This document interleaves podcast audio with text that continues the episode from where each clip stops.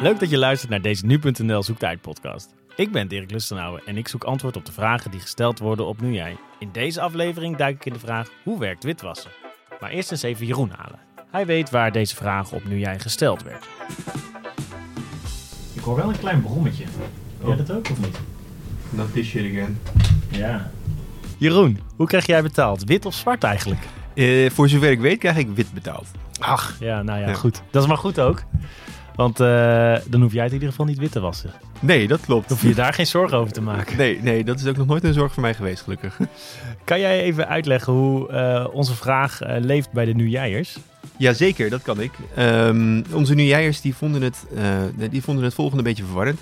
Witwassen wordt natuurlijk bijna altijd gezien in de context van drugsgeld. Hè? Klant geeft dealer cash.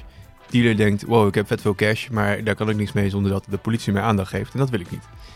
Dus wat criminelen dan doen, die kopen zoals je in Breaking Bad ziet, een wasserette of een lasergamehal. Eh en op die manier proberen ze dan hun geld legitiem te maken. Nou, onze lezers vonden het verwarrend dat wat wij weten dat Seward gedaan heeft, niet echt strookt met die realiteit van wat we in Breaking Bad zien. Dus vandaar dat ze de vraag eh, poneerden, eh, hoe, hoe werkt dat witwassen nou eigenlijk? Dus de vraag die komt uit de zaak Siewert van Linden. Ruben van Lent volgt het nieuws voor nu.nl. Ik ga hem even bellen.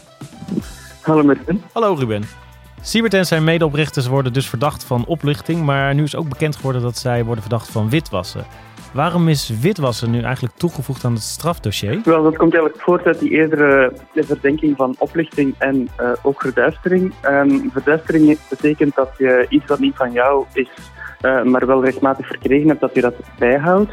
Ehm, of gebruikt voor eh, zaken waar het niet voor bedoeld is. In dit geval gaat dat bijvoorbeeld over eh, geld van Coolblue, dat eh Coolblue werd gegeven aan de stichting die Siewert van Lienen had opgericht. ehm, om gewoon de, de verkoop van mondkapjes te dekken, de kosten daarvoor te dekken. Ehm, maar dat geld is doorgesluist naar zijn bedrijfje, waar hij er dus winst mee heeft gemaakt.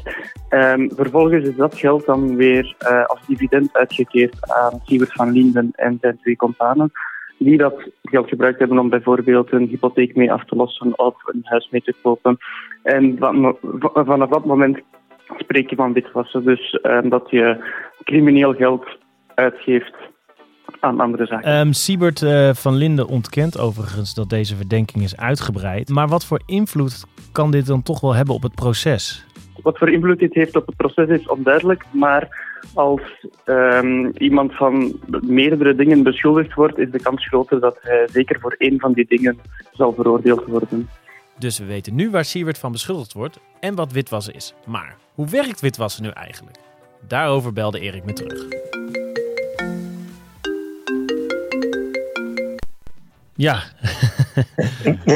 ik maakte een enorme amateuristische fout. Mijn vriendin die beelde en ik wilde er wegklikken. Maar ik klikte tegelijkertijd de tele- de, de, de- de- het hele gesprek weg. Je bent, je bent zeker niet de enige die dat wel eens. Goed om te vertellen is dat we Erik zijn achternaam niet noemen. Dat doen we even vanwege veiligheidsredenen. Erik, kan jij mij even uitleggen wat jouw rol precies is? Of jouw functie misschien wel?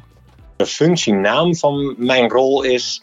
eh, ik ben anti-witwas-specialist bij het Anti-Money Laundering Center in de Beeld. En kan jij mij vertellen hoe witwassen precies werkt? Ehm goeie vraag natuurlijk. Ehm, het verbergen, ik, ik wil nu geen luisteraarstips meegeven eigenlijk, maar het verbergen en of het schijnbare legale status geven aan een voorwerp dat afkomstig is uit een misdrijf, zodat het besteed en geïnvesteerd kan worden in de bovenwereld.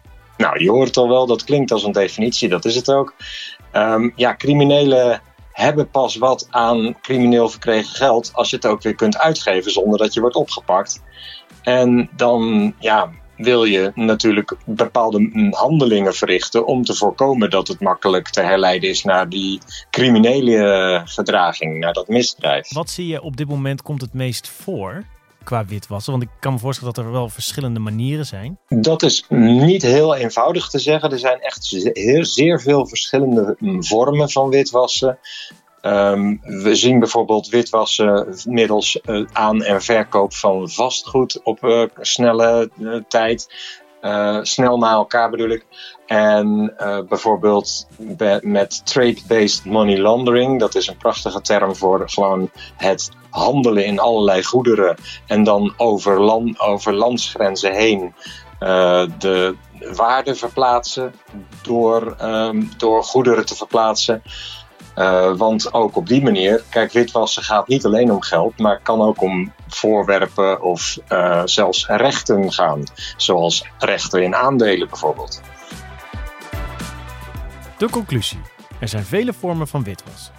Maar het gaat erom dat criminelen investeren in legale producten. Het geld gaat van de onder naar de bovenwereld. Bijvoorbeeld door vastgoedinvesteringen, handel in goederen en aandelen.